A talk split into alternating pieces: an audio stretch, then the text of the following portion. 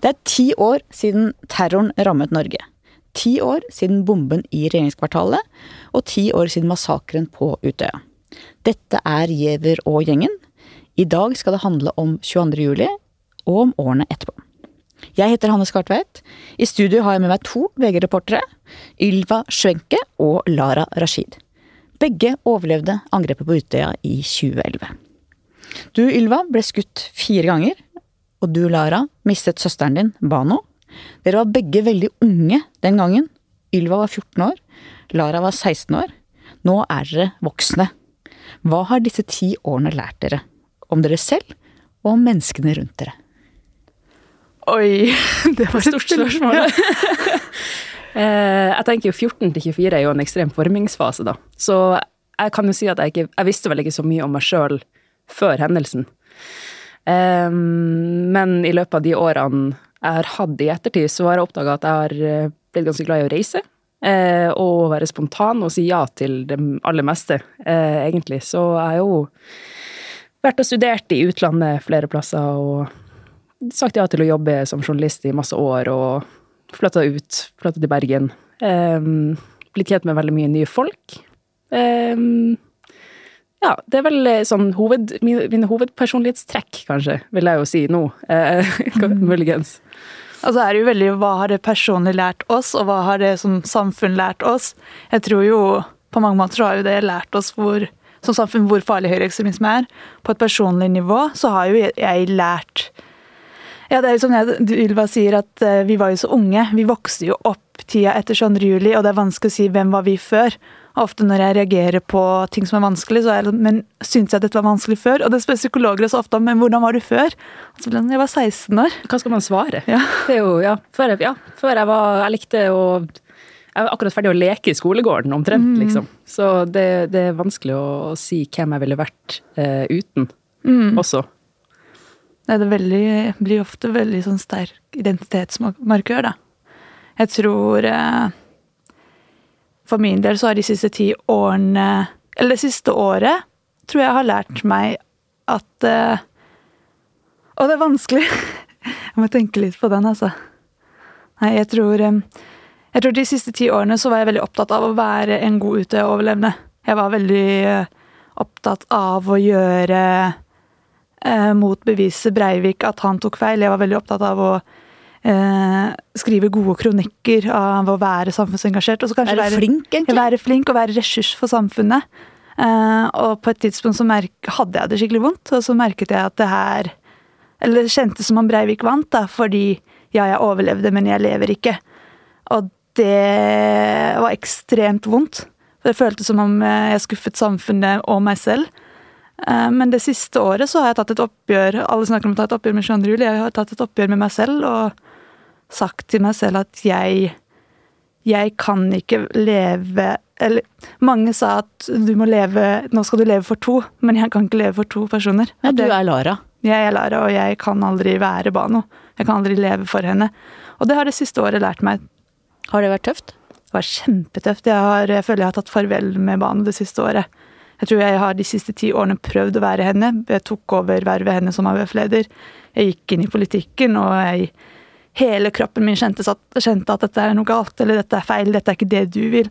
Men så var det noe med det at barnet var så glad i å leve. Hun var så glad i selve livet, og jeg hadde jo hørt at jeg, nå skal leve for henne også.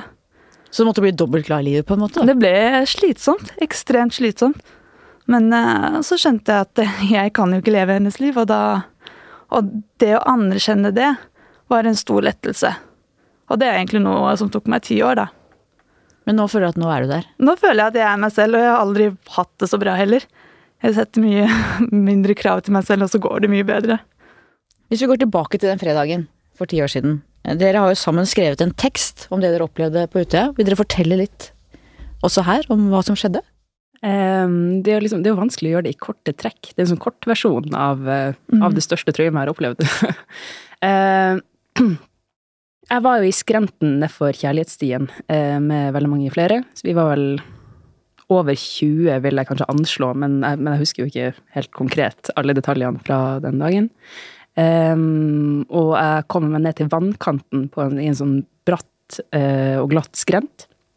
Og der blir jeg skutt fire ganger, uh, i lag med um, veldig mange andre. Uh, noen som jeg kjenner, og noen som jeg ikke kjenner. Eh, og eh, så blir jeg liggende der, og jeg blir skutt relativt tidlig. Eh, og er våken hele tida, og jeg tenker at eh, i det øyeblikket at jeg blir skutt, så tenker jeg sånn Nå kommer jeg til å dø. For nå er jeg skutt fire ganger, og når man ser på film at folk blir skutt, så, eh, så dør de. Egentlig sånn. Så eh, da lukka jeg øynene og venta. og så tok det litt tid, kanskje ett minutt, og så fant jeg ut at uh, det her har jeg jo ikke lyst til. Og jeg kjenner meg ikke trøtt, og jeg kjenner meg ikke klar. Så uh, jeg bestemte meg for å rulle over på høyresida, der det var minst skutt. For jeg ble skutt i eh, venstreskuldra, magen um, og venstresida på låret, og rett bak på høyre lår. Så liksom høyresida mi var ganske uberørt, kan man si. Så jeg kunne ligge der og stoppe blodet på skuldra. Du holdt selv for å stoppe blodet, eller? Ja, for jeg fant ut at skuldra er den eneste plassen der jeg faktisk kan prøve å stoppe blodet sjøl, fordi det andre det er for langt unna. Jeg, jeg, jeg, kan, jeg når det ikke, det går ikke. Eh, og så lå jeg og så på klokka, som jeg hadde på venstre arm, og kløyp meg sjøl i armen. Gikk tiden fort eller sakte, sånn som du husker det? Litt begge to, på en måte. Det er litt sånn rart å huske tilbake til det, men jeg mener at da jeg våkna på sykehus og tenkte tilbake, så følte jeg at tida hadde gått veldig sakte. Eh, men jeg lå også ved sida av ei anna jente og prata litt med henne. Eh, som også var skutt, for så vidt. Det var første gang jeg møtte henne. Så det var liksom den rareste introduksjonsrunden jeg hadde i hele mitt liv. med noen. Eh, så lå vi der og, og snakka litt, og så, eh, så begynte vel jeg å sone ut, har jeg blitt fortalt i ettertid. Eller sånn eh, slutt å svare og begynte å hoste opp blod og sånn. Men det har, det har ikke jeg noe minne av. Men jeg husker at jeg var våken da politimennene kom eh, med båt og, eh, og henta oss. Og jeg husker at det var noen som ropte det er politiet, er det noen som lever her? Eh, og i det området der jeg var, så var det fem som døde. Eh, og det er en veldig sånn liten skrent eh, for dem som har sett det. Så jeg løfter da høyrehånda og sier at Nei, venstrehånda, faktisk. Den er skutt i, for det er den som er øverst. Og sier at ja, jeg lever. Og det er to politimenn som da får meg over skuldrene og, inn, og over i en båt. Og så ble jeg lagt i fanget på en gutt som jeg aldri har møtt før, eh, og som sitter og er liksom helt eh, sjokkskada. Han sier ingenting. Eh, men han får beskjed av han politimannen som står over meg, at du, du må sørge for at hun puster eh, på, her, på turen over. Da. Og jeg som var 14 år gammel og aldri hadde si, vært borti en gutt i det hele tatt før, jeg ble jo lagt inn med ansiktet til skrittet hans. Og jeg husker min tanke var sånn Ja, det er jo litt kleint. så det, det sier jo på en måte litt om at sånn, du er jo fortsatt deg sjøl i hodet, selv om det skjer noe helt sinnssykt med deg. Så eh, vi ble tatt over. Eh, og jeg husker at bølgene som Fordi de kjørte ganske fort i og med at vi var flere som var skutt i båten, eh, og som var ganske hardt skada. Og jeg husker at For hver, hver bølge så var det sånn smerteiling gjennom kroppen, så vi, vi, rop, vi ropte veldig mye i den båten over. Og um, de fikk oss over på land og la meg inn i sykebilen. Um, og der uh, klippa de opp alle klærne mine, det husker jeg, og, la, og lurte på om de ga meg noe smertestillende eller blod eller et eller annet. Hadde du vondt da, eller var du på en måte helt nummen? Eh, da hadde jeg vondt, um, husker jeg. Eh, fordi jeg var, jeg var nummen ved første skudd, men resten gjorde vondt. Um, og så gjorde det vondt å bevege seg. Um, men så lenge jeg lå helt stille, så gikk det greit. Eh, så når de da legger meg inn i ambulansen, så ber de meg om å si navnet mitt. Og jeg husker veldig tydelig at jeg sa Ylva Helene Schwenke, SCHW-ENKE. Fordi at jeg har jo et vanskelig etternavn, og jeg tenkte de skulle skrive det ned for, for, å, for å si ifra til noen. Um, og så begynner de å kjøre. Uh, og jeg er visstnok våken hele veien, men de innser i ambulansen uh, når de har begynt å kjøre, at hun her kommer til å dø hvis vi, hvis vi kjører hele veien. Så de fikk meg inn i et helikopter. Og For du hadde mista så mye blod? ja. Eh, jeg hadde vel et kvarter igjen da de fant meg, sånn cirka, har jeg blitt fortalt i ettertid. Og eh, så får de meg inn i luftambulanse og flyr meg over til, eh, til Ullevål. Eh, og i ettertid så var jeg egentlig litt bitter for at jeg huska den helikopterturen, for det er jo den eneste jeg hadde i hele mitt liv, for så vidt. Eh, og ja, så sender de meg inn på rett til operasjonssalen. Eh, og da har jo fortsatt ikke mine foreldre fått vite noe som helst om meg, for jeg var, jeg var den, den aller siste som ble identifisert. Ja, for de satt jo på Sundvolden og så disse listene over navnene som kom inn på overlevende, og der sto ikke du. Nei. Og til slutt så var alle hva si, accounted for. Alle var Så alle foreldrene som ikke hadde fått sine, satt og visste at nå er det ikke flere igjen. ikke sant? Nå, det, nå har jeg mista mine. Mm. Og så får du beskjed om at det er én hardt skada som ikke var identifisert. Ja. Og det var deg. Og det var meg. Så eh, da leste jo politimannen opp eh, eh, bare opp, For jeg hadde jo ikke identifikasjon eller telefon på meg. Så det var ingen måte å, å si hvem jeg skulle være. Og mamma eh, og resten av familien min hadde også glemt å melde fra at jeg hadde et operasjonsarr på halsen. Så da ble det på en måte litt vanskeligere i det identifikasjonsarbeidet. Så eh, da leser han jo opp hun her jenta som ligger på Ullevål, eh, mellom 14 og 20 år gammel. Eh, 1,68 høy, som for så vidt er feil. Jeg er 63. Eh, og eh, eh, brunt hår, blå øyne, har operasjonsarr på halsen. Og da skjønner jo mamma at det her er jo Ylva. Eh, så de kommer seg til sykehuset, og jeg husker jo ingenting i løpet av den første uka. Hva er det første du husker når du våkner? Eller hva er det første du husker etter Jeg tror, jeg tror det aller første jeg husker når jeg våkner, er de her slangene. For jeg har en, sånn, jeg har en slange i nesa og en slange i halsen. Og jeg husker at jeg er helt sykt tørst, men at jeg åpenbart ikke kan drikke eller få noe vått i meg. Jeg husker bare sånn den følelsen av at sånn jeg, jeg må ha noe vann, eller noe å liksom Noe å drikke. Eh, og den ene slangen i nesa jeg kobla opp mot magen min. Som, og den tar ut mageinnholdet. Det var sånn, sånn ekstrem generell følelse av ubehag i det jeg våkner. Jeg tror det er det, det, er det aller første jeg husker. At sånn, åh, det her er skikkelig jævlig. eh, og så innser jeg at jeg ikke kan bevege meg i det hele tatt. Sånn, armene mine funker ikke. For jeg er så sliten i kroppen og har fått så mye å si, smertestillende og, og har vært uh, inn og ut av operasjonssalen flere ganger. Måtte du lære å gå igjen og sånn, eller var det Ja, ja, ja jeg, måtte å- jeg måtte lære meg å snu meg i senga igjen. Jeg kunne ikke snu meg sjøl, så jeg måtte ringe inn to sykepleiere som, skulle, som måtte løfte opp lakenet og rulle meg rundt hvis jeg ville snu meg. Eh, jeg har aldri følt meg så hjelpeløs i hele mitt liv. Eh, Og hvor lang tid tok det å lære å, å få kroppen til å fungere igjen? Mm, jeg var på Ullevål i tre uker og fire dager. Eh, og da jeg dro til Tromsø, hadde jeg fortsatt rullestol med meg. Eh, men jeg lærte vel ordentlig Eller jeg kunne vel gå med gåstol, da. Eller rullator, som jeg liker å kalle det. Eh, etter to uker, kanskje. Noe sånt. Og så hadde jeg sånn, øvel, sånn treningsturer ned til kiosken på Ullevål. og gikk gjennom gangen. Og så måtte jeg ha rullestolen bak meg i tilfelle jeg ble, ble veldig sliten. da. Og eh, var vel i rullestol en liten periode til, og var, så var det et par operasjoner i Tromsø da jeg kom hjem. Og etter hvert begynte liksom ting å, å fungere. Men eh, det gikk ganske fort framover, egentlig. Og jeg merka jo, jeg jo framskritt hver dag. Så det ble jo motiverende på en måte, da jeg kunne sitte i senga, og så kunne jeg gå to skritt. Og så kunne jeg gå fire skritt. Så det var jo veldig tydelig. Men eh, jeg tror aldri jeg har trent så hardt i hele mitt liv. egentlig, faktisk. Det var, det var ganske intenst. Så, så ja, det var vel Kort oppsummert. Ja. Og så vitnet jo du i rettssaken. Du var den yngste som vitna, du var 15 år. Jeg så deg i retten. Du sto der trygg og sterk og var virkelig så velartikulert. Og du hadde jo insistert selv på at du ville forklare. Du var egentlig så ung at du kunne slippe fint. Eh, Og du sa blant annet, det gjorde veldig inntrykk på meg og alle andre, at du bar dine arr med verdighet. Eh, Hvorfor var det så viktig for deg å møte terroristen ansikt til ansikt og se han?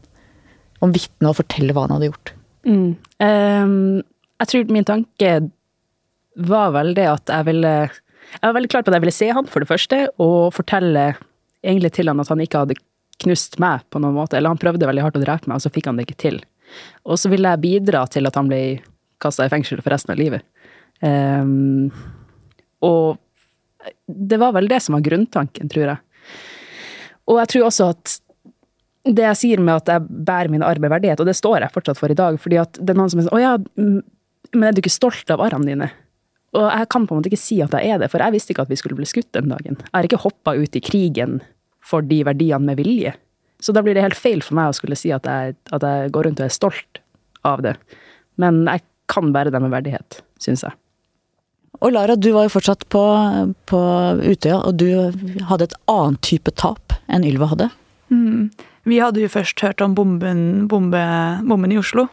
Da, og da fikk jo vi Akershus Oslo eller Vi ble bedt om å samle oss i egen sal for å få mer informasjon, da, fordi mange hadde familie og kjente i Oslo. Eh, og jeg gikk jo på skole rett ved her og var liksom var redd, veldig redd. Hadde vært redd for eh, islamsk terror ganske lenge, og har jo vokst opp med det er en trussel, og har jo vokst opp med at jeg må hele tida motbevise at min religion ikke Eller ikke alle er farlige. Uh, og så hører vi om eksplosjonen, og da er jeg så sikker på at det er islamsk terror. Uh, så jeg ber å følge meg til badet. Uh, eller finne en ny genser, og så drar jeg på badet fordi jeg er veldig lei meg og har veldig lyst til å være alene. Og så følger hun meg til badet, og så sier hun 'trenger du meg noe mer'? Um, og da sier jeg Eller jeg syns det var så merkelig måte å si det, spørre på. Eller sånn 'hvorfor spør du om det'? Nei, det går bra. Eller hun har på at det ikke Vi har jo bare vært venner. Vi, selv om hun var min storesøster, så har hun på at det ikke hun, had, hun, spurte på en måte som om hun skulle passe på meg. Og så var det sånn 'du, det går bra, jeg vil bare være litt alene'. Litt ordentlig storesøster? Mm. Og så går jeg inn på badet og sitter der og er veldig lei meg, veldig nedfor. Og så hører jeg tre skudd. Og så går jeg inn, inn i dusjen og gjemmer meg. Men så blir jeg litt flau, for jeg blir sånn Herregud, vi er jo ikke i Irak. Vi er jo ikke Det er jo ikke skudd. Så jeg går tilbake og, og setter meg liksom på den benken, da. Uh, og så plutselig hører jeg skuddene igjen, veldig høyt, og masse folk som løper utenfor uh, dette badet, da. Og så åpner jeg døra, og så ser jeg masse folk løpe inn i skogen, så jeg løper etter dem uten å tenke meg om. Og så har jeg på meg flipflops som gjør at jeg sklir i gjørmen, så da bare sparker jeg de av meg og løper alt jeg kan til enden av øya, og det tar jo ikke lang tid. Og ja, det er en liten øy. Det er en veldig liten øy, og det er da man innser at det er jo ikke noe sted å gjemme seg. Så begynner jeg å klatre ned. Det er jo igjen veldig sånn kort fortalt, for det skjer jo mye i disse øyeblikkene. Vi tar jo valg hvilken eh, Skal du til høyre, skal du til venstre? Eh, skal du klatre ned? Og det er jo Hadde jeg jo løpt til venstre, hadde jeg jo løpt mot gjerningsmannen. Eh, så velger jeg å klatre ned, og det er jo veldig bratt, men det føles også som jo brattere det er, jo tryggere er det. Eller jo farligere, jo farligere det er, jo tryggere er det. Og det er vel en sånn absurd tankegang nå, at når jeg ser ned der nå, så jeg det, kunne jo like så godt ha skadet meg hardt av bare det fallet, da. Um, og så venter vi der ganske lenge, og folk kom, altså det kommer litt folk til, da, og noen sier det er politiet som skyter. Eh, og det høres så rart ut, fordi hvis politiet skyter, hvem skal vi ringe da og be om hjelp? Eh, og så går det mye rykter av hvor mange er det, dør folk? Eh, og så er vi der, ja. Vi gjemmer oss der litt før skytingen begynner igjen, på, ved pumpehuset. Og da kommer en sånn mengde ungdommer, en sånn storm av ungdommer mot oss og sier 'nå må alle løpe, han er her'. Og da begynner jeg å svømme, men det er så tungt å svømme. Det er kaldt? Det er kaldt, tungt og skummelt, fordi da svømmer du ut, og hvis han er over deg, så kan han se deg. Så da bestemte jeg meg for å svømme inn igjen. Og så var vi på den andre sida, eller vi var på den, lang, den sida hvor det var veldig langt til land. Og så begynner jeg heller å svømme rundt øya, og der finner jeg en grotte hvor det er en del folk, og der eh, venter vi veldig lenge. Og det skjer jo så mye mens vi venter, fordi vi hører jo plutselig et helikopter, og jeg husker veldig godt den der eh, lyden av alle som puster lettet ut, og så hører vi skyting igjen. Og da skjønner vi jo ingenting. For vi blir liksom Er det helikopter som skyter? Er det mange som skyter? Er det båtene som skyter? Og det er kanskje det at um, vi visste så lite om hvem det var. Om uh, vi kommer til å bli reddet, siden det var politiet som skjøt. Om alle skulle bli drept. Uh, og det med tid Jeg tror aldri den føl altså Jeg har hatt den følelsen av at tida har gått så sakte. Det er bare Det føles jo ut som kamp at tida er det en som kan redde oss, men når tida går så sakte, og du lurer på om det er noe redning på vei, så har jeg aldri opplevd at det har gått så sakte. Uh, og så blir vi hentet eh, i båt til slutt. Uh, eller da kommer en dame i båt og sier at han er tatt, men vi må ta de skadde først. Og så begynner det å bli ganske mørkt, og da kommer de og plukker oss opp. Og kjøres på, til landsida, og så spør, kommer, blir vi møtt med noen eldre damer eller frivillige med pledd. da. Og så sier de at det er en buss der oppe som venter på dere. Han sier du, det går bra, jeg vil vente her. Eh, jeg venter her på Bano. Han sier du, alle må til Sundvolden. Bussen kjører til Sundvolden, det kan jo hende søstera di er der. Og så er jeg egentlig tenker at det kanskje har gått bra, for jeg har Jeg så Jeg så noen dø, men jeg tror at ikke Jeg så ikke for meg hvor stort omfanget var. Så jeg var sånn, ikke kanskje hun er på Sundvolden, da.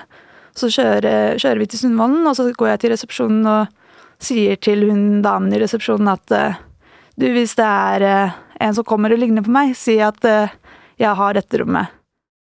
Så går jeg til rommet, og så, og så tar jeg meg en dusj, eller jeg tar av meg de våtklærne, og tar meg en varm dusj, og da kjenner jeg for første gang på det med PTSD. Eller den derre utryggheten av å være Eller jeg skjønte da at dette har ødelagt hele livet mitt. Eller føltes det sånn i det øyeblikket, for jeg turte ikke være i dusjen alene. Turte ikke være på rommet alene. Så jeg bare Hver gang jeg lukket øynene, så så jeg for meg at noen var inne på rommet. Så da tok jeg på meg en kåpe, og så løp jeg ut, og så møtte jeg foreldrene mine som hadde kommet, og da Da visste dere fortsatt ikke hva som hadde skjedd med Bano? Vi hadde ikke hørt noen ting. Vi, eh, vi hadde hørt at minst fem var drepte, og jeg visste om ti.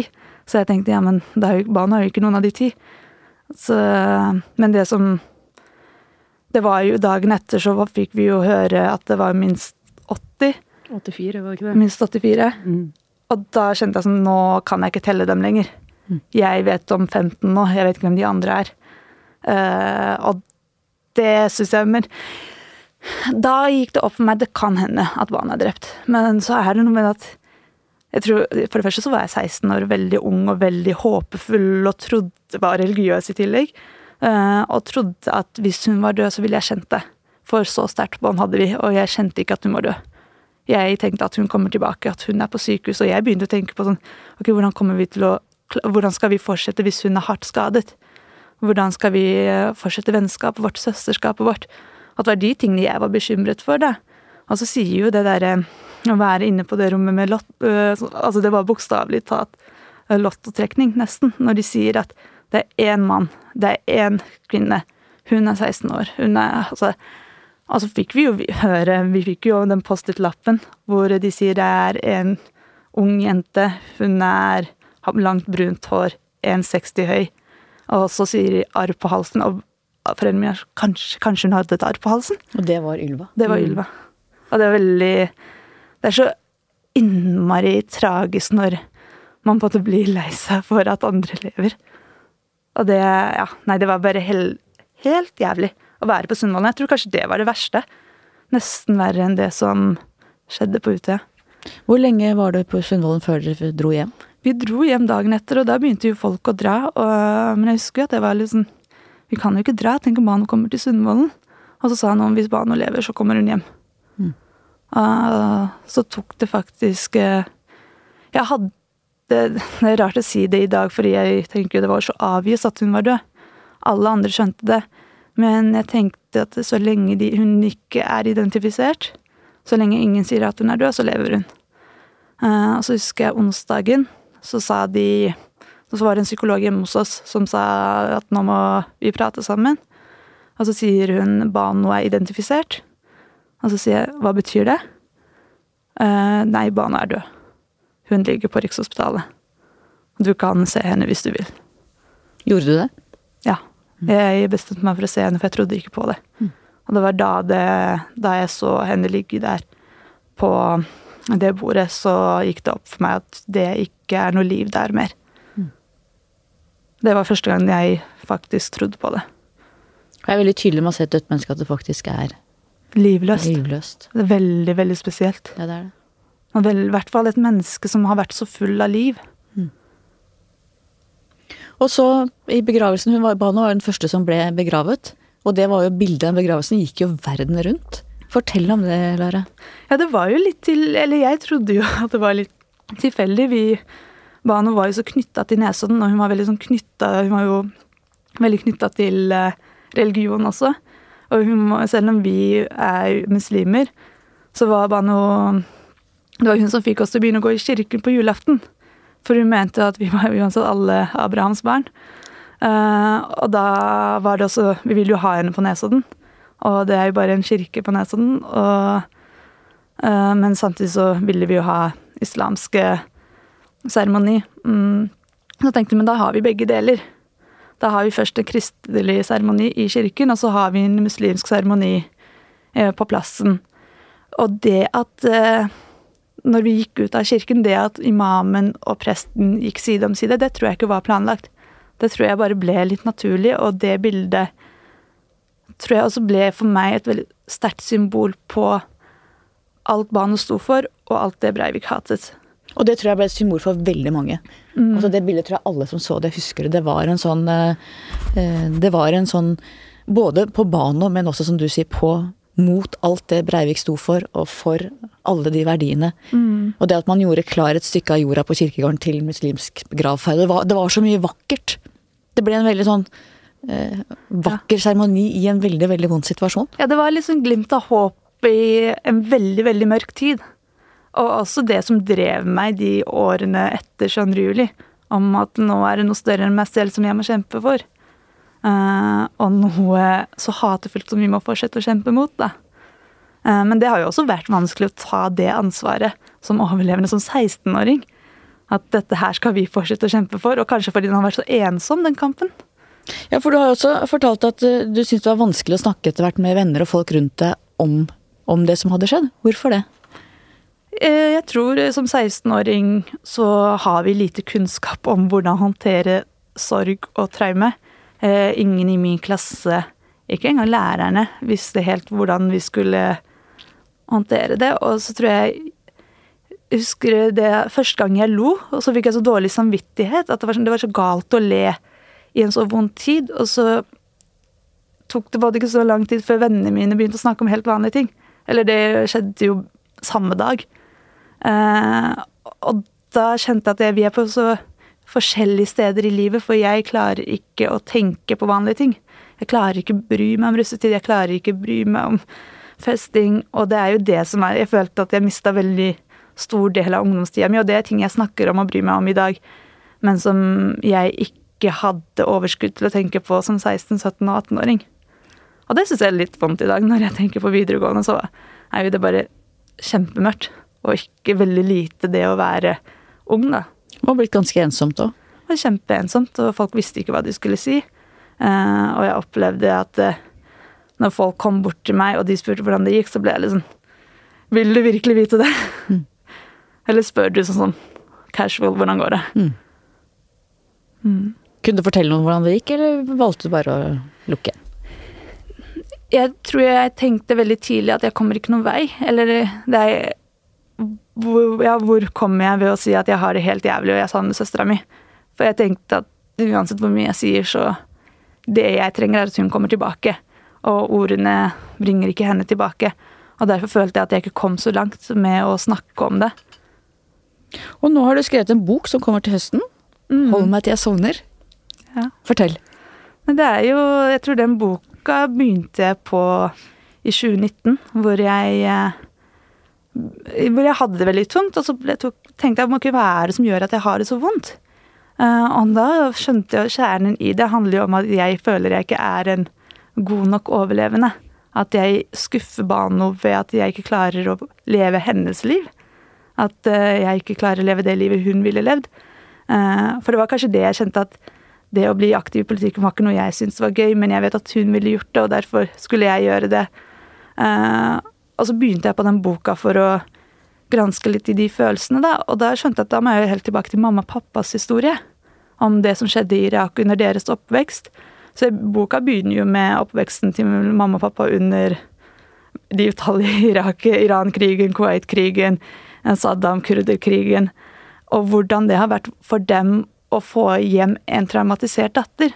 For de reiste jo fra Irak for å skape trygghet for seg og sine barn, ikke minst. Det er jo noen paradokser der. De mistet alt det de reiste eh, de, rei, de mistet alt da de reiste fra Irak, og så tenkte de men vi gjør det for barna våre. Og når de mister da Else datteren sin, som var grunnen til at de flyktet, var det knuste familien min. Og det er det jeg skriver om. Veien videre etter eh, Utøya, og hvordan fortiden til foreldrene mine påvirker min nåtid. Hvordan går det med familien nå? Du, det går bedre. Eh, Jeg tror Hvis man mister et barn, så vil det alltid være en stor sorg. Men de lever et fint liv og et verdig liv. Men det er der. Det er vanskelig fortsatt. Det. Jeg har en uh, tante som mistet datteren sin i helt andre sammenhenger. Hun sendte et brev til meg da jeg fikk barn, så sa hun at du må huske fra nå av kan du rammes. Og det er noe med det at når du får barn, og hvis man da mister et barn, det er eh, Det er helt unaturlig at foreldre skal følge barna sine til graven. Det skal være omvendt. Etter angrepet, eh, var det nok plass til sinne, til frustrasjon, til, til den type følelser i, i Rosehavet? Jeg vil si nei. Eller jeg er jo veldig tydelig på at det ikke var det. Men jeg tror heller kanskje ikke så mange kjente så mye på sinne helt i starten fordi det var så masse kjærlighet, og det var så fint. Og det føltes som om hele Norge var med oss, og at hele Norge skulle passe på at vi er der med dere, og vi føler sorgen med dere. Men så er jo sinne en veldig naturlig reaksjon, da. Og jeg har jo kjent på sinne Og så husker jeg da mm, han ene i rettssaken, han som mist, han mista en bror, jeg husker ikke helt hva han heter, han mistet en bror på Utøya, kastet sin sko Ja. mot Breivik. Ja, det husker jeg. Og jeg er ikke for vold, men reaksjonen etterpå var jo vi skal svare med pennen, vi skal ikke bruke vold. Og det var da jeg kjente den der Det er helt menneskelig å være så sint og så frustrert. Og det er ikke alle som Det å ha ordene er et privilegium. Det, Ja, det er kunne, veldig sant, Lara. Det er veldig sant. det å kunne uttrykke seg er et privilegium, og jeg tror veldig mange med innvandrerbakgrunn ikke har vokabulæret til å uttrykke seg på norsk, eller skrive en kronikk og sende det til Aftenposten. Men så er det også av og til sunt å gi et litt mer altså et litt primitivt uttrykk for sinnet, da. At det ikke alltid bare skal være sånn dannede ord. Jeg er helt enig. Jeg tror det er ganske ekskluderende hvis man bare skal ha dannede ord for å uttrykke Eller jeg, jeg, jeg er veldig mot vold, men jeg tror, jeg tror det er viktig å forstå at folk er sint. Og det syns jeg ikke det var rom for helt i starten. Hva tenker du, Ylva? Nei, det er jo et godt spørsmål. Um, jeg tror at jeg er veldig prega av at jeg var 14 år gammel. Eh, så, og så hardt skada som jeg var. Så jeg hadde egentlig ikke overskudd til å være sint. Eh, det, jeg måtte egentlig bare fokusere på at sånn, nå skal jeg komme meg gjennom det her, og så skal jeg håndtere det på best mulig måte, så får det ta så lang tid som det tar. Og da trakk jeg meg vel egentlig litt unna resten av AUF. Eh, og i ettertid så er jeg egentlig Alle mine nærmeste venner var ikke på Utøya. Og det er ingenting med det å gjøre, jeg har ingenting med AUF å gjøre. Og det begynte jeg egentlig med relativt fort etterpå. Jeg meldte meg ut av AUF da jeg var 17. Em, men fortsatt så var mine nærmeste venner ikke med i AUF. Så jeg, jeg, jeg vet ikke. Jeg tror kanskje at liksom At livet mitt ble veldig prega av at jeg ville gå videre personlig, på en måte. I og med at også sånn For min del så mista jeg venner, men ingen som jeg så til daglig, eksempel. Det, det blir ikke som å miste et søsken, eksempel. Eh, og det at jeg var skutt fire ganger, tenkte jeg veldig tidlig at sånn, det kan jeg håndtere helt fint. Det går bra. Eh, og jeg var utfattelig sint for dem vi mista, og at han kunne dra til en øy og skyte så mange unge folk. Bare for å ødelegge. Så jeg, jeg var på en måte, jeg kjente et sinne over det, men jeg var litt sånn Eller i ettertid så vet jeg liksom ikke helt hvordan jeg skal få det ut på noen som helst Ja. måte. For jeg føler ikke at kronikker hjelper heller. Det, det, liksom. Jeg tror også, For min del så slet jeg veldig med å være sint på Breivik, for Breivik ble så veldig fort eh, Han skal vi ikke snakke om, han vi ikke nevne navnet på. Eh, altså Sinnet mitt ble veldig ofte retta mot venner, ble veldig retta mot familien min.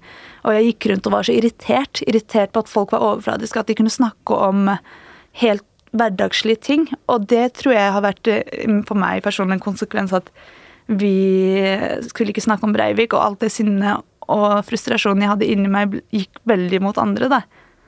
Det synes jeg, tror jeg har vært en konsekvens av eh, at vi ikke Jeg syns vi skal tørre å snakke litt mer om Breivik da, og gjøre han til et menneske, og ikke umyndiggjøre han sånn som vi har gjort. Jeg er helt enig, og jeg tror det var så viktig at han ble kjent tilregnelig, ikke utilregnelig. At han ble ansvarliggjort for det han hadde gjort. Eh, og jeg tenker også at hvis vi Altså, eh, Harry Potter, man ikke skulle snakke om Voldemort det, jo er veldig farlig. Du må, snakke, du må snakke om ondskapen, og du må snakke om det som er der. Og det er Breivik.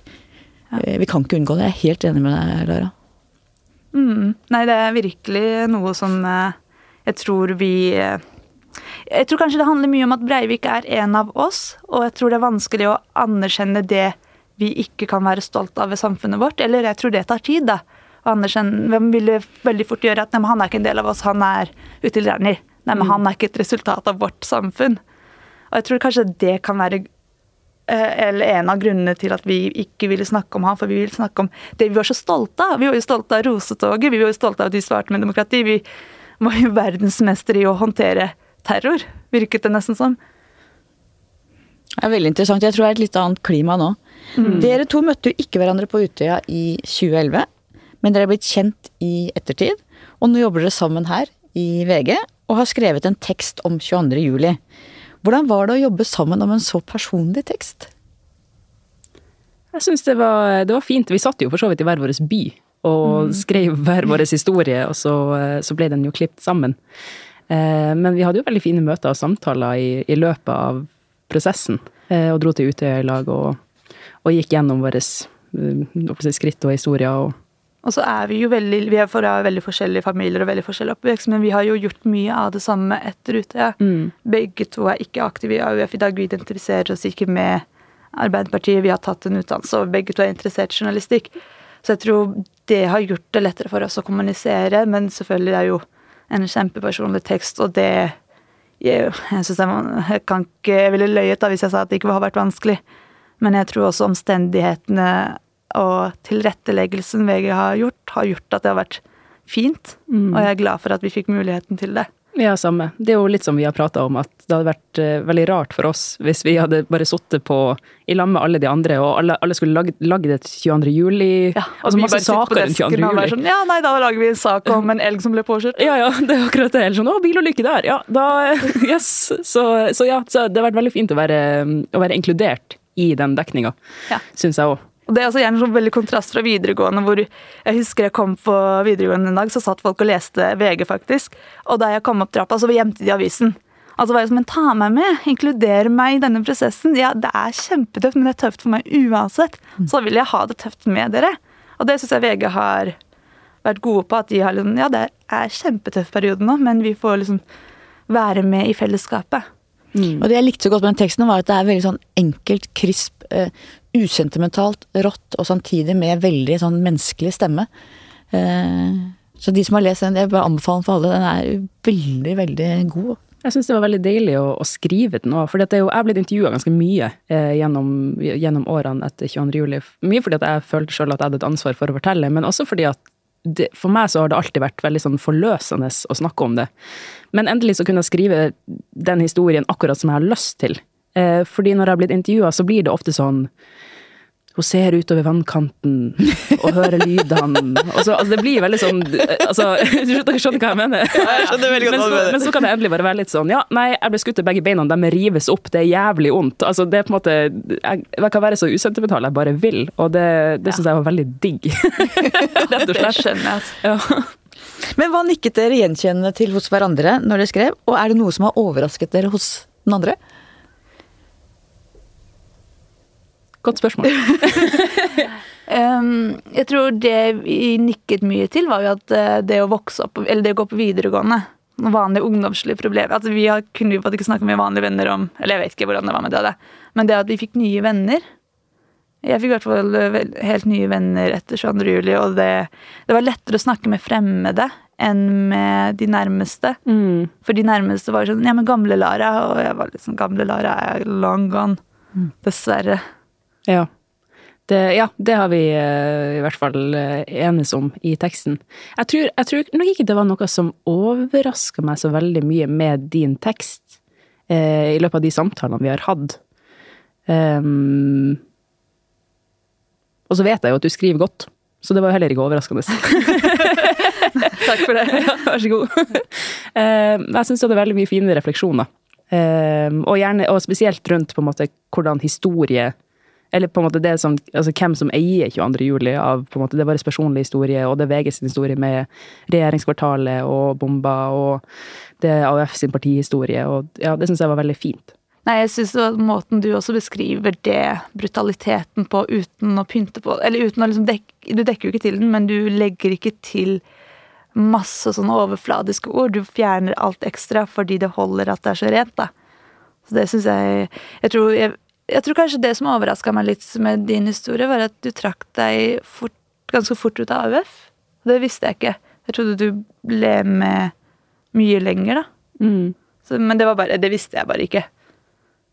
Ja, nei, det var um, egentlig litt sånn jeg innså at jeg bare ville gjøre litt andre ting uh, etter hvert. Og jeg, var jo, jeg ble jo med som 13-åring, og egentlig litt for sånn diskusjonen sin del, og at jeg ikke egentlig følte meg ordentlig tilpass i klassen. Og så syntes jeg det var gøy å, he å henge med eldre folk. Så på Ja. den måten så var det egentlig litt tilfeldig at det ble AUF også, eh, faktisk. Eh, og så var jeg jo med videre en stund, og så tenkte jeg nå eh, vil jeg fokusere på eh, dramalinja eh, som jeg gikk på på videregående, og ja, bli med i litt andre ting og sånn.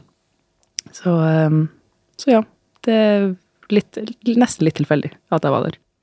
Og dere har snakka om tidligere også dette med at eh, sorgen eh, etter 22. juli både er veldig privat for de som har hatt det nært innpå seg, mens også det ble på en måte hele Norges eh, sorg. Hva tenker dere om det? Hvem, som du var inne på, hvem eier sorgen? Hvem sin sorg er det? Hvordan er det å ha en sorg som er så tett på, og samtidig alle vil ta del i? Jeg flytta jo etter videregående til London fordi jeg ikke ville være ute og lære mer. Og jeg ville, at, jeg ville at det skulle være en hemmelighet. At det, folk ikke visste hvem jeg var før de ble kjent med meg. Uh, og det var litt godt, men det var vondt fordi i mitt lille naive hode så tenkte jeg at det, det går over, eller at jeg kunne rømme litt fra problemene. Og det var kanskje det jeg innså i London. At, ja, men historien er jo fortsatt med meg, bare at nå er den hemmelig. Uh, men i London så tror jeg jeg lærte å balansere det at uh, den var ikke hemmelig, den var personlig. Og at jeg fikk uh, ta kontroll over historien. Eh, jeg kunne bestemme selv når jeg fikk fortelle den. Eh, og det følte jeg også det ble litt i Norge en periode, for vi snakka ikke så mye om det. Eller vi snakka bare litt om det rundt ettårsmarkeringen, og det var alltid fine historier om hvor bra det går med de overlevende. Eh, og da kjente jeg også veldig på det der, for jeg har jo Det var jo så mye Det var jo flere høyreekstreme demonstrasjoner i tida etter 22. juli. Og jeg tror mange av oss har, har jo kjent på den trusselen, da og har kjent den trusselen på kroppen. Eh, og da ble det liksom ok, jeg må snakke om det offentlig, for ingen andre gjør det. Men det er også min personlige historie, eh, og jeg har ikke lyst til at folk skal liksom det er, det er vondt at min personlige historie også er offentlig historie. Men det er Det skjønner jeg. Ja. Det er skikkelig Og så snakka jeg faktisk med en uh, veldig god venn i går om at vi har jo bedt om et oppgjør så lenge, og nå kommer oppgjøret, og det er sinnssykt vondt. Det er så mye i media, det er så mange triggere, og det er akkurat dette vi vil ha av denne debatten. Men det er så vondt og slitsomt. Det jeg har kjent på og skrevet litt om, at jeg syns det er veldig ille at det er eh, AUF-erne og de overlevende og de som var på Utøya, de som har opplevd dette, som må ta det oppgjøret, som må bære denne historien. Og det jeg har sammenlignet litt med konsentrasjonsleirfanger under annen verdenskrig, som jo veldig mange av dem fortalte ikke barna sine det de hadde opplevd, men de fortalte barnebarna. For de trengte en avstand i tid, og de tenkte på en måte å bearbeide ordentlig. Mens jeg føler at vi som samfunn på et vis har pålagt dere som var der, at dere må bære den historien for at vi ikke klarer det. Og det tenker jeg er en enorm sånn synd, altså. Og vi var jo bare barn. Ja, dere var jo bare barn, og nå er dere unge voksne. Så det er eh, Storsamfunnet mener jeg har sviktet ganske på at vi Jeg tror det var så brutalt og så eh, jævlig at man rett og slett ikke klarer å snakke ordentlig om det. Mm. Eh, så jeg tror det er noe med det, men det er jo det er for mye å pålegge unge mennesker. Det er altfor mye, og nå har jo disse unge menneskene, eller vi unge menneskene, blitt unge voksne, og kanskje vi har hatt tid til å finne ordene. Vi har funnet, hatt tid til å finne ut hva vi føler, og det ser man jo veldig nå i media. Uh, det jeg har kritisert, er at det ikke har vært uh, nok stemmer ute, og nå kommer så mange ut og sier at vet du hva, jeg har vært kjempesint, jeg. Og det er jo veldig godt. Jeg håper at vi kan gi den ballen videre, da. Uh, og at det kan gjøre det. Og det ser jeg fra ungdommer fra andre partier, at de legger ut mye om at eh, de har hatt berøringsangst, og at de nå skal ta opp denne kampen, at de også skal snakke om det. Og det Jeg håper at vi kan få lov til å ja, gi ballen litt videre, og at andre kan ta det ansvaret og snakke om høyreekstremisme og ta et oppgjør med høyreekstremisme. Mm, jeg er veldig enig. Eh, jeg tror sånn, På et personlig plan så er nok jeg, jeg skiller meg nok ut til en viss grad fra ganske mange. Eh, I og med at jeg aldri har hatt problemer med å prate om det i media. altså Det har ikke stressa meg i, det hele tatt faktisk. Altså sånn, jeg har ikke følt Jeg har følt et visst ansvar, men jeg har egentlig følt et behov sjøl òg eh, for å fortelle den historien. Men jeg tenker jo eh, Det virka veldig som at alle fikk berøringsangst etter 22. juli, unntatt oss. Eh, og da AUF og Arbeiderpartiet snakka om høyreekstremisme eh, og eh, folk på å si meninger som kanskje tilhører da ABB sitt tankegods, eh, så ble det mye mer sånn Å, Utøya-kortet! Altså det, det, på en måte alt fikk sanksjon, da. Eh, var mitt inntrykk i ettertid. Så da ble det også litt sånn skummelt å skulle mene noe om det når du også kommer innafra og har vært der sjøl. Så da holdt jeg meg bare til å holde Altså, jeg holdt det til den personlige historien, og så fikk folk bare tolke det litt ut ifra det, tenkte jeg. Ja. I ettertid. Ja, Utøya-kortet ble jo brukt mot dere. Det var jo den andre sida som brukte det, egentlig. Ja. Det er, jo, det er jo akkurat det. Og, og det var det som gjorde det eh, skummelt, fordi da vet du ikke, heller ikke hvordan reaksjoner man får. Og det ser man jo også med mye hets blant de som uttaler seg politisk nå. Eh, og du vet aldri hva du får i innboksen, eller hva du får på SMS. Har dere fått mye hets, eller? Nei, jeg har ikke uttalt meg politisk, som har vært veldig med vilje.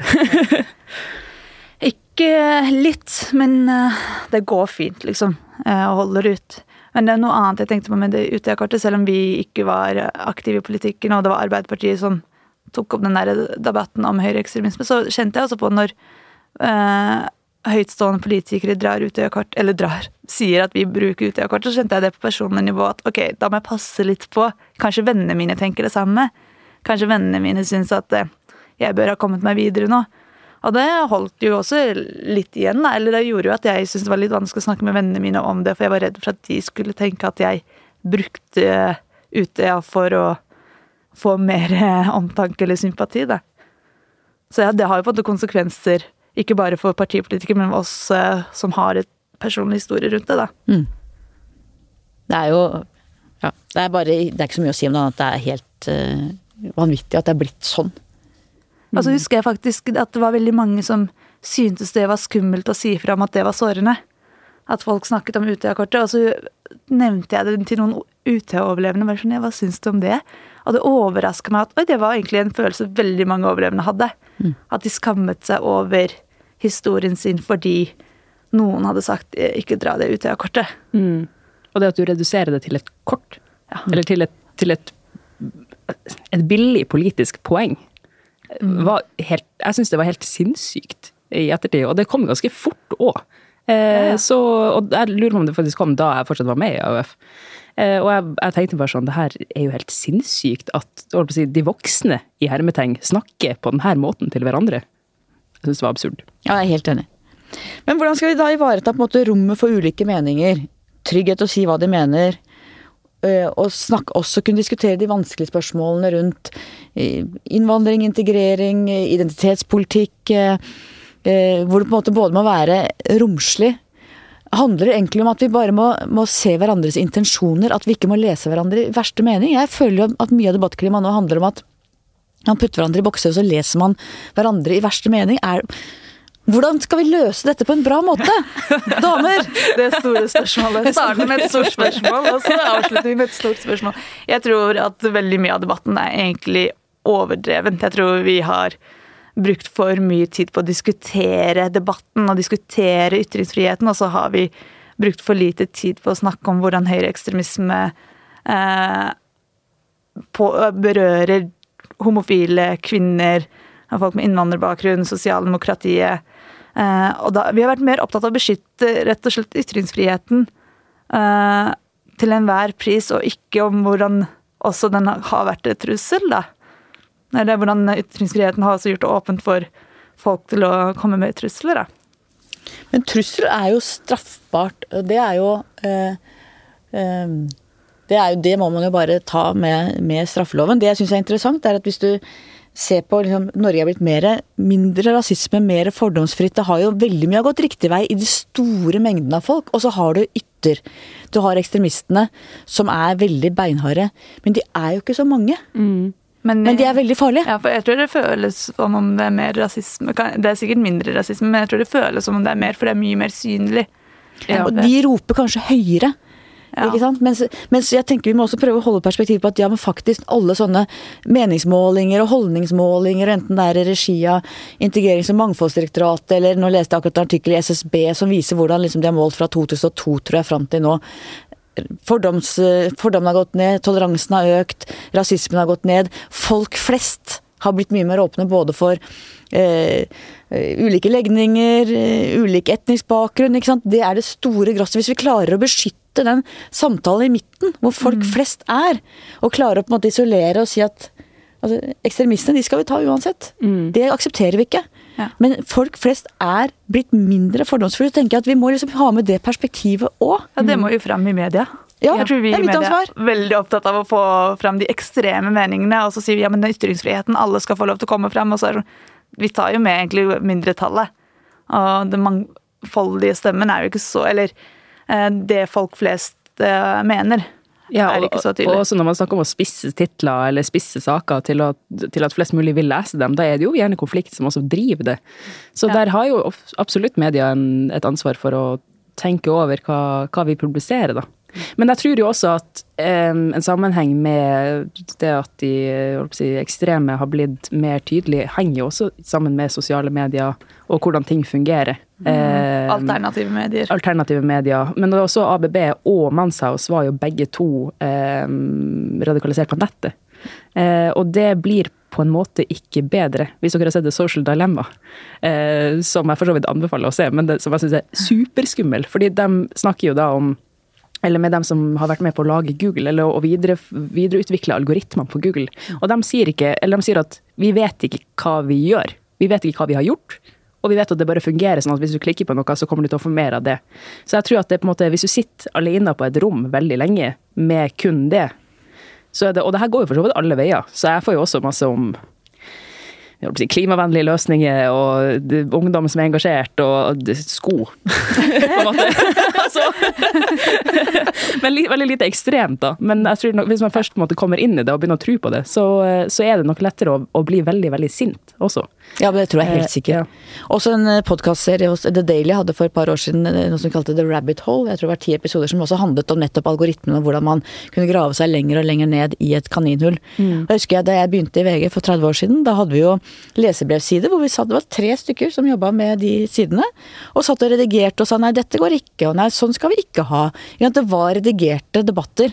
Mens nå med sosiale medier så er det jo ikke sånn lenger, og det er eh, Det gjør at det, mange flere stemmer både på godt, men også på vondt for får spre seg. Så det er noen dilemmaer der som er, eh, som du sier, det er De vet ikke helt hva de har gjort sjøl heller med å sette i gang. Hvordan skal man klare å håndtere det? Eh, Dere to har jo klart det bra. Tatt dere utdanning, jobber i VG. Og da vi snakka sammen tidligere i sommer, Lara, så var det opptatt av alle de som enda ikke har kommet i gang med livet igjen. De som fortsatt sliter. De vi ikke ser, de vi ikke hører noe fra, de som ikke skriver kronikker. Hva kan vi gjøre? Jeg tror ofte at man nesten skylder litt på dem. At de ikke stiller opp. At ja, men Jeg tror vi journalister kan bli litt late, da. Vi eh, går ofte til de samme kildene, for vi vet at de er gode på å formulere seg. Eh, Og når det handler om intervju, så tror jeg at vi bør eh, gi litt ekstra, da. For å snakke med noen som kanskje trenger litt mer tid. Eller noen som trenger å tenke høyt før de vet hva de vil si. Eh, Så det syns jeg vi Jeg tror det er lett for oss. Vi jobber jo med, altså, under en tidsklemme, og det er jo ikke Plutselig så trenger vi overlevende, og vi vet jo Ylva sier ja, Lara sier ja, de vet hva de skal si. Eh, og så går man litt for de samme. Eh, så jeg tror man skal bruke litt mer tid på skillepleie på de som ikke har det så bra. Og så tror jeg mye handler jo om veldig, Det er veldig få med minoritetsbakgrunn som er tydelig i media. Og da kan det også handle om at man kanskje ikke er fra ressurssterke familier. Man har kanskje ikke språket til å formulere seg. eh, eller de ligner ikke på oss som journalister. Eh, og det er lettere å intervjue de som er like oss, da. Eh, men så har vi undersøkelsene som sier at én av tre sliter fortsatt. Én av tre får hatmeldinger. Og da må vi også vise hvem disse er, da. Jeg vet ikke hvordan. Eh, jeg tror vi må jobbe hardere. Jeg tror vi må eh, bruke mer tid med disse menneskene. Og så tror jeg mange, ja, som Ylva sier jo, at mange var jo på sommerleir litt sånn for gratis ferie. Og det var jo et angrep på Arbeiderpartiet og AUF sin ideologi. Men det fysiske angrepet var på 500 forskjellige mennesker med forskjellige historier og forskjellig bakgrunn. Og alle går det veldig forskjellig med. Og jeg tror det er viktig å få fram. Da. Så var det i tillegg et angrep i Oslo på åtte mennesker som ble drept. Så jeg kan ikke navnet på noen av de, dessverre. Og du Ylva, du har fått diagnosen posttraumatisk vekst. Hva er det? det høres jo helt uh, fantastisk ut. Ja, ehm, nei, det er vel i korte trekk det at man gjerne får en positiv utvikling etter en traumatisk hendelse. Eh, og det har jeg for så vidt lest meg ganske mye opp på i ettertid, bare fordi jeg lurte litt på sånn, hva er det jeg, hold- hva er det jeg har? hva er det jeg holder på med? uh, ja. uh, men det kan, det kan visstnok gå i bølger. uh, og, jeg, og jeg mener også man kan få posttraumatisk vekst, og så kan du få eh, altså du kan få en nedgang igjen etterpå, på en måte. Så det er liksom ikke en diagnose jeg, jeg nødvendigvis har for resten av livet. Men, eh, men det gikk jo generelt sett veldig veldig bra med meg etterpå. Eh, jeg, ble mye mer sånn, mer utadvendt eh, og mye mer gira på å gjøre ting med andre og fikk mye mindre skam. Eh, og slappa mer av med folk. Altså, det, var, det var en helt sånn absurd reaksjon når jeg så hvordan andre rundt meg reagerte. Så jeg sleit veldig lite med alt man skulle tro at jeg sleit med. Av paranoia og søvnproblemer og angst og Jeg var egentlig ganske Det gikk veldig bra, da. Eh, så det, ja, det er det jeg holder si, satt igjen med i ettertid. Eh, men jeg kjenner faktisk I år er det første året jeg kjenner litt, på litt sånn angst. Men jeg tror én at det er fordi jeg er i Oslo, det har aldri vært før, sånn rundt 22. juli, og at det er ti år siden, eh, og at jeg jobber her. Mm. Um, og nå er du også rundt andre ute overlevende. Ja, og det har jo ikke vært det. Eller det er jo en trigger i seg selv. Ja, det, det, ja. så det, det, er liksom det, det, føles litt rart. Altså. For første gang så er det på en måte Eller det er på Ja, jeg har hatt det var én episode i Tromsø der vi fikk totalpanikk, for det var noen fyrverk, eller noen raketter som, eh, som sprengtes altså utenom nyttårsaften. Eh, fordi at Sparebanken fylte 50 år, eller det var noe i den duren. Eh, og, da, ja, og, da jeg, og, da, hadde det ikke vært sagt ifra om på, på, forhånd, og så var jeg med noen andre som hadde vært på Utøya også. Og vi ble så redd at vi satte oss under kjøkkenbordet mitt, og så krøyp jeg mot vinduet og en av venninna mi var sånn 'Ylva, Ylva, du kan ikke gå dit! Du blir skutt! Du blir skutt!' Og så var jeg sånn 'Jeg må bare se hva som skjer!' Og så ringte vi politiet, og det var helt krise. Men det her var i 2012. Så siden da har ikke jeg kjent noe på det, eh, egentlig, før, før, nå. Hvor jeg blir litt mer stressa. Mm. Men, eh, men, jeg vet ikke om det kan klassifiseres som PTSD, på en måte. Det er bare mer en naturlig reaksjon, vil jeg kanskje si. Mm. Eh, tror jeg. Mm. Jeg tenker også det at eh, jeg har det veldig bra nå jeg syns juli er tøft. Uh, og det å akseptere at uh, Eller det å bli kjent med seg selv, for nå er det ti år. Og jeg har jo lært det at juli er tøft, desember er tøft. Men livet generelt er fint. Og livet skal også ha rom for tøffe tider. Mm. Det tror jeg det, det opplever de aller fleste av oss. Og bare det å akseptere det syns jeg har gjort det litt lettere. Det å si fra til sjefen om at uh, nå jobber jeg kanskje litt 80% Er det greit? Og at det er greit det har gjort at mye av min angst eh, gikk litt bort i juli, da. Mm. Jeg må bare få si til begge to tusen takk for at dere deler. Dere gjør oss alle litt klokere, tror jeg. Så takk for at dere ville komme. Takk for at vi fikk være en del av gjengen i dag. Ja, ja Gjever og gjengen uten gjever og uten vanlige gjenger. Ja. Men med oss tre damene. Dette er veldig bra. Og tusen takk til mannen i rommet, produsent Christian Konglund. Takk for oss.